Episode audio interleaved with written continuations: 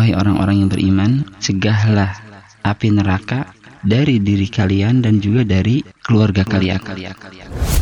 Jalin hubungan mesra dengan Allah Subhanahu wa taala. Maka niscaya Allah Azza wa Jal akan memperbaiki hubungan dia dengan suaminya. Siapa saja di antara kita yang memutuskan silaturahim, di samping dia menaik dosa besar, maka dia pun akan mendapatkan ancaman dan dampak buruknya. Sesaat lagi Anda akan menyimak kuliah Islam bersama Ustadz Dr. Salahuddin LCM Ahum. Selamat mendengarkan. Bismillahirrahmanirrahim. Inna hamdalillah nahmaduhu wa nasta'inuhu wa nastaghfiruh wa na'udzu billahi min syururi anfusina wa sayyiati a'malina. May yahdihillahu fala mudilla lahu wa may yudlil fala hadiyalah. أشهد أن لا إله إلا الله وحده لا شريك له وأشهد أن محمدا عبده ورسوله لا نبي بعده. اللهم صل وسلم وبارك على نبينا محمد وعلى آله وأصحابه ومن تبعهم بإحسان إلى يوم الدين. ثم أما بعد. قال الله تعالى أعوذ بالله من الشيطان الرجيم. يا أيها الذين آمنوا قوا أنفسكم وأهلكم نارا وقودها الناس والحجارة. عليها ملائكة غلاظ شداد. لا يعصون الله ما أمرهم ويفعلون ما يؤمرون وقال رسول الله صلى الله عليه وسلم استعيذوا بالله من عذاب النار Pendengar rahmakumullah, Alhamdulillah bersyukur kita kepada Allah Subhanahu wa taala yang masih memberikan kita kesempatan pada waktu ini. Insya Allah kali ini kita akan membahas satu tema yang sangat penting yang harus diketahui oleh setiap aba, oleh setiap bapak-bapak dan juga ibu-ibu semuanya berkaitan dengan sebab-sebab perbuatan yang bisa menyebabkan masuknya seorang anak atau seorang manusia ke dalam api neraka. Tema ini sangat penting sebab Allah Subhanahu wa taala memerintahkan kita semuanya untuk lari dari neraka dan juga untuk melindungi diri kita serta keluarga kita termasuk di dalamnya anak dan istri kita dari api neraka. Allah Azza wa Jalla berfirman, Ya ayuhalladzina amanu, ku anfusakum wa ahlikum nara. Wahai orang-orang yang beriman, cegahlah api neraka dari diri kalian dan juga dari keluarga kalian. Masuk di dalam ayat ini anak-anak dan juga para istri. Kemudian Rasulullah Shallallahu Alaihi Wasallam memerintahkan kita untuk beristiadah kepada Allah Subhanahu Wa Taala agar kita terlindung dari api jahanam. Satu hadis sahih yang diriwayatkan oleh Imam Bukhari dan Muslim, Rasulullah bersabda, "Ista'idzu billahi min adzabin nar." Hendaklah kalian memohon kepada Allah Subhanahu wa taala perlindungan dari api neraka. Jadi kita harus senantiasa memohon kepada Allah Azza wa Jalla agar kita dijauhkan dari api jahanam. Dan di antara ciri ibadur rahman, di antara sifat hamba-hamba Allah yang maha penyayang, yaitu mereka yang senantiasa berkata Rabbana srif anna adzab jahannam inna adzabaha kana gharama. Orang-orang yang senantiasa berkata wahai Rabb kami isrif anna adzab jahannam. Jauhkanlah kami, hindarkanlah kami dari azab jahannam. Sesungguhnya azab jahannam ini sangat pedih siksanya itu. Ketika kita mengetahui dalil-dalil dari Al-Quran dan As-Sunnah bahwa neraka adalah satu tempat yang sangat mengerikan sekali. Siksaannya sangat berat sekali. Maka kita harus mengetahui faktor apa saja yang menyebabkan manusia bisa masuk ke dalam jahanam. Dan ini harus kita ketahui agar kita bisa melindungi diri kita dan juga keluarga kita agar tidak melaksanakan faktor-faktor ini atau penyebab-penyebab ini. Yang pertama dan ini sering dibahas yaitu asyirku billahi ta'ala syirik kepada Allah Azza wa Jalla. Ini poin pertama yang bisa menyebabkan masuk ke dalam neraka. Sebab Allah Subhanahu wa taala berfirman, "A'udzubillahi minasyaitonirrajim. Innahu may yusyrik billah faqad harramallahu 'alaihi al-jannah wa ma'wahu an-nar wa ma lidh-dhalimin min ansar." Sesungguhnya siapa saja yang syirik kepada Allah memberikan salah satu ibadahnya kepada selain Allah Subhanahu wa taala, maka Allah telah mengharamkan al-jannah kepadanya. Allah mengharamkan surga kepadanya dan tempat kembalinya adalah an-nar, neraka. Wa min ansar dan tidak ada satu penolong pun bagi orang-orang yang zalim. Kemudian Rasulullah bersabda, "Man mata wa huwa yad'ullaha niddan dakhala jannah." Siapa saja yang mati dan dia berbuat syirik, sekutu dalam beribadah kepada Allah Subhanahu wa taala, maka dia masuk ke dalam api neraka. Ini yang pertama. Yang kedua, al-kadzbu ala Rasulillah sallallahu alaihi wasallam. Berdusta atas nama Rasulullah wasallam. Ini pun faktor penyebab masuknya seseorang ke dalam api jahanam.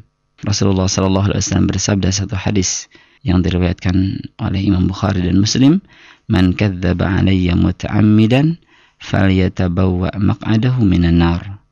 Siapa saja yang berdusta dengan sengaja atas namaku, maka hendaknya dia mengambil satu bangku dari api neraka. Dipersiapkan satu bangku dari api neraka. Ini orang-orang yang sengaja berdusta atas nama Rasulullah SAW. Dia mengatakan kalau Rasulullah SAW, padahal Rasulullah tidak pernah berkata. Menyandarkan satu perkataan kepada beliau SAW, ini adalah satu kekufuran menurut sebagian kaul ulama.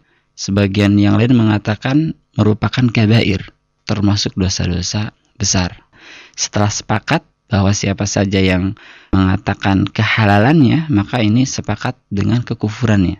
Kufur orang-orang yang berdusta atas nama Rasulullah SAW menyandarkan satu perkataan kepada Rasulullah padahal beliau SAW tidak pernah mengatakannya. Yang ketiga, al-kalimatu min sukhtillahi. Satu kalimat yang dibenci oleh Allah Subhanahu wa taala, yang membuat murka Allah Subhanahu wa taala. Ini pun bisa menyebabkan seseorang masuk ke dalam api neraka. Maka kalau kita berbicara itu harus hati-hati. Apakah pembicaraan kita ini, apakah perkataan kita ini diridhoi oleh Allah Subhanahu wa taala ataukah akan mendatangkan murkanya?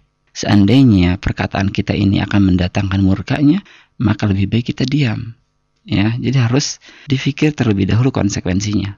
Rasulullah SAW bersabda, "Innal abda la yatakallamu bi kalimatin min sukhtillahi la yalqa laha balan tahwi bihi fin nari sab'ina kharifan. Sesungguhnya seorang hamba dia akan berkata dengan satu kalimat yang dimurkai oleh Allah Azza wa Jalla. Padahal dia tidak menyangka bahwa hal itu dimurkai oleh Allah Subhanahu wa taala, maka hal itu akan menyebabkan dirinya meluncur ke dalam api jahanam sab'ina kharifan sejarak 70 tahun. Dia akan terus masuk meluncur ke dalam api jahanam sejarak 70 tahun. Ini orang-orang yang sering berkata-kata dengan satu kalimat yang dibenci oleh Allah Subhanahu wa taala. Dan kita harus meyakini bahwa seluruh perkataan kita itu dicatat oleh para malaikat. Mayalfidhu min qaulin illa ladaihi raqibun atid. Tidak terlafaz satu ucapan kecuali di sampingnya ada raqib, ada atid ada malaikat yang senantiasa mengawasi dan malaikat yang senantiasa mencatat. Ya Rasulullah bersabda man kana yu'minu billahi wal yaumil akhir falyakul khairan aw liyasmut. Siapa saja yang beriman kepada Allah dan hari akhir, maka hendaknya dia berkata baik atau dia diam.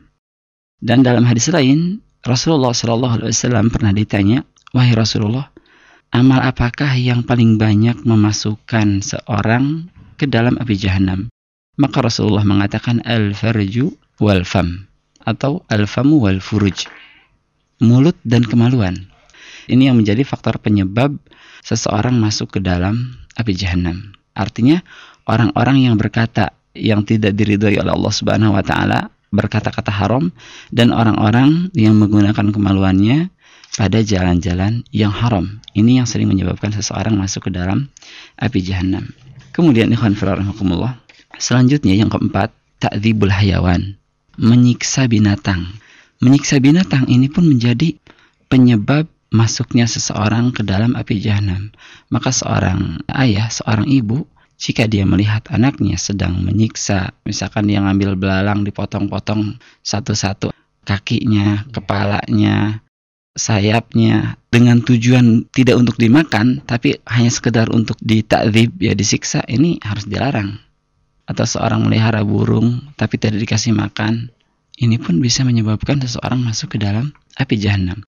Rasulullah Shallallahu Alaihi Wasallam bersabda satu hadis dari Sahihain Imam Bukhari dan Muslim meriwayatkan udhibat imra'atun fi harratin sajanatha hatta matat fadakhalat fiha nar. Ada seorang wanita yang diadab karena dia memenjarakan seekor kucing sampai mati. Akhirnya dia masuk neraka wanita ini masuk neraka karena dia memenjarakan seekor kucing. Lahiyat amatha wasakatha dia tidak memberi makan dan juga tidak memberi minum. Idha habasatha walahiyya tarokatha. Dia tidak memberi makan dan juga tidak memberi minum ketika dia memenjarakannya.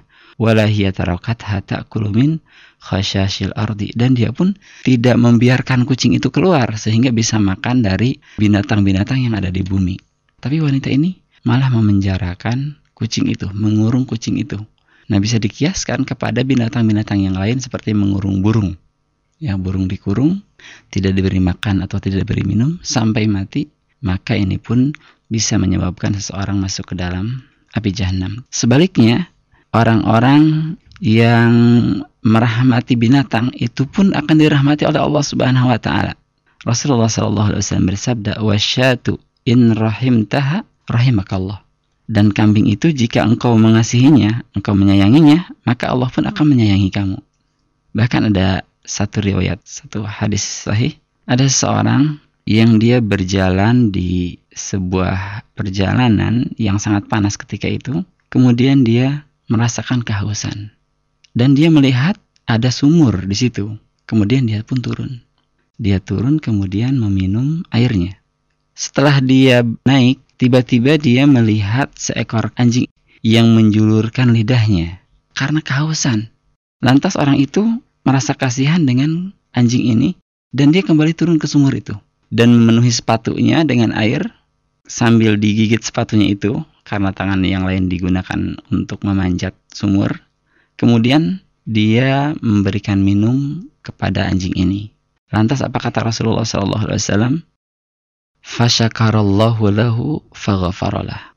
Allah Subhanahu wa taala pun kemudian bersyukur, artinya Allah Subhanahu wa taala memberikan pahala kepada orang itu faghfaralah dan Allah pun mengampuninya. Dalam riwayat lain Imam Bukhari mengatakan fasyakarallahu lahu faghfaralahu fa'adkhalahu jannah. Setelah Allah Subhanahu wa taala mengampuninya, maka Allah Subhanahu wa taala pun memasukkan dia ke dalam jannah. Binatang jika disiksa jika diadab, dia akan mendatangkan adab. Jika dia dirahmati, maka akan mendatangkan rahmat dari Allah Subhanahu wa taala. Ini binatang. Bagaimana dengan manusia yang lebih dari binatang? Kemudian yang kelima, ghasyri ra'iyah. Menipu masyarakat atau menipu orang-orang yang berada di bawahnya. Orang tua ketika menipu anak itu pun termasuk ke dalam ghasyur ra'iyah. Rasulullah Shallallahu Alaihi Wasallam bersabda, "Ayyuma ra'in ghasya ra'iyatahu fahuwa finnar." Seorang pemimpin, seorang pemimpin mana pun yang menipu orang-orang yang dipimpinnya, maka dia masuk ke dalam api neraka.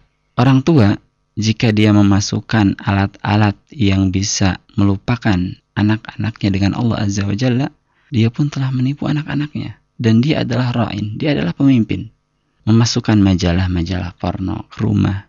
Kemudian juga video-video habitah, video-video yang tidak islami. Kemudian CD-CD porno ini pun termasuk ghash, termasuk orang-orang yang menipu terhadap rakyahnya atau kepada orang-orang yang dipimpinnya. Dia diancam oleh Rasulullah SAW dengan api neraka. Maka harus hati-hati. Kemudian yang keenam, at-tabarruj was sufur membuka aurat ini termasuk penyebab masuknya seseorang ke dalam api neraka. Dan orang tua yang memiliki anak wanita, dia harus memaksakan putrinya itu menggunakan hijab. Harus dipaksakan. Tidak boleh tidak. Dan harus difasilitasi untuk membeli pakaian yang syar'i.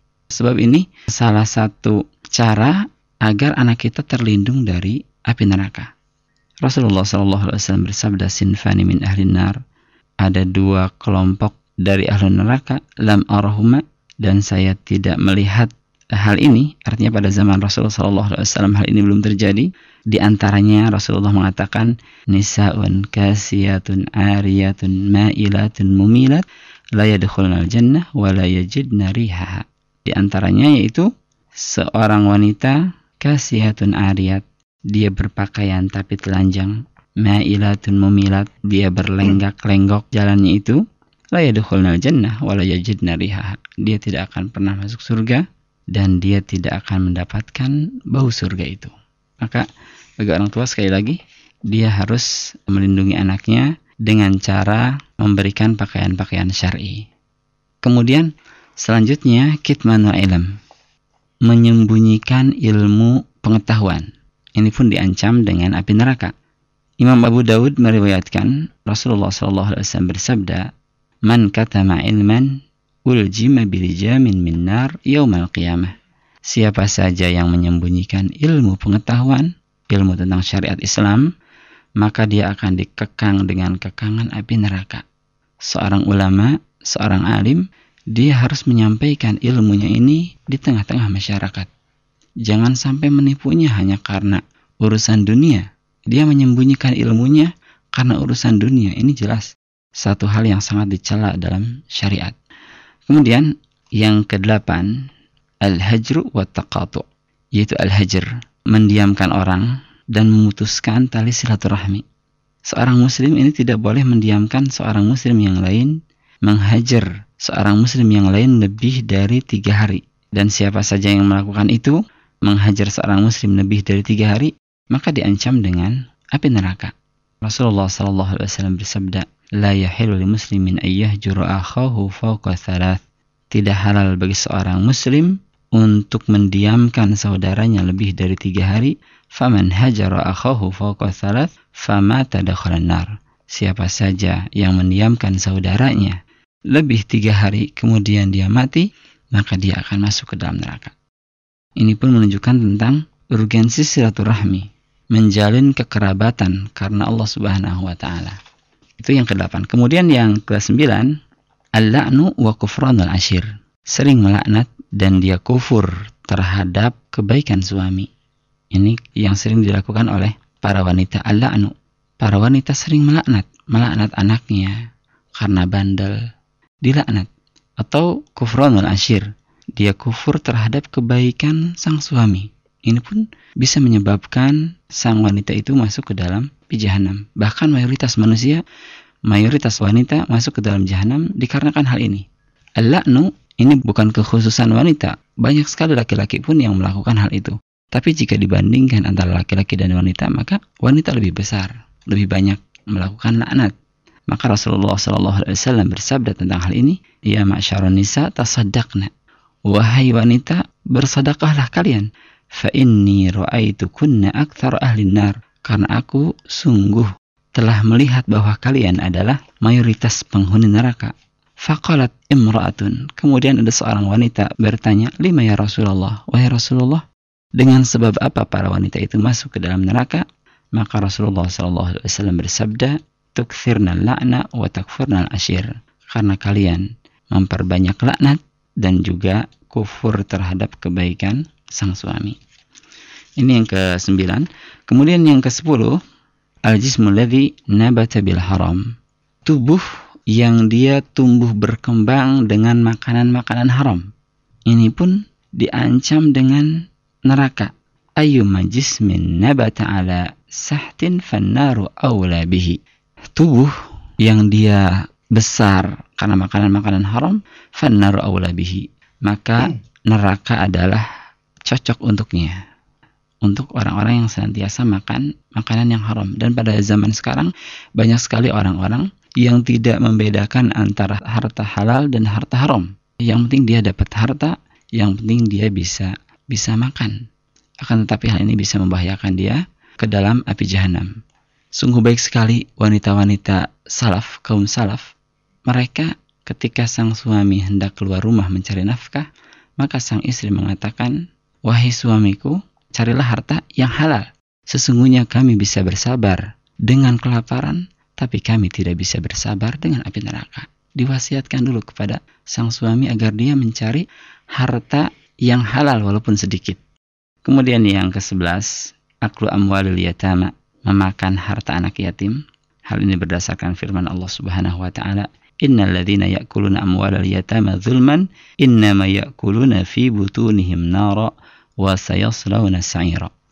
Sesungguhnya orang-orang yang memakan harta anak yatim dengan zalim, pada hakikatnya dia memasukkan ke dalam perutnya itu api dan dia nanti akan masuk ke dalam neraka. Dan anak yatim adalah waladun saghirun waladun saghirun la abalahu. Satu anak kecil yang tidak mempunyai bapak. Anak kecil yang tidak mempunyai bapak, ini bisa jadi dia berharta banyak. Sang bapak orang kaya, kemudian warisannya itu turun kepada sang anak. Nah ini, paman-pamannya harus hati-hati. Tidak boleh dia memakan harta keponakannya ini. Sebab kalau dia memakan harta keponakannya ini, walaupun masih kecil, dia belum mengerti apa-apa, dia makan dengan cara yang batil, maka pada hakikatnya dia memenuhi perut-perutnya itu dengan api jahanam. Dan yang terakhir, zulmun nas biakhdi hukukihim. Zolim terhadap manusia dengan cara mengambil hak-haknya. Ini diancam dengan api neraka. Sebab kezolimin adalah kegelapan pada hari kiamat.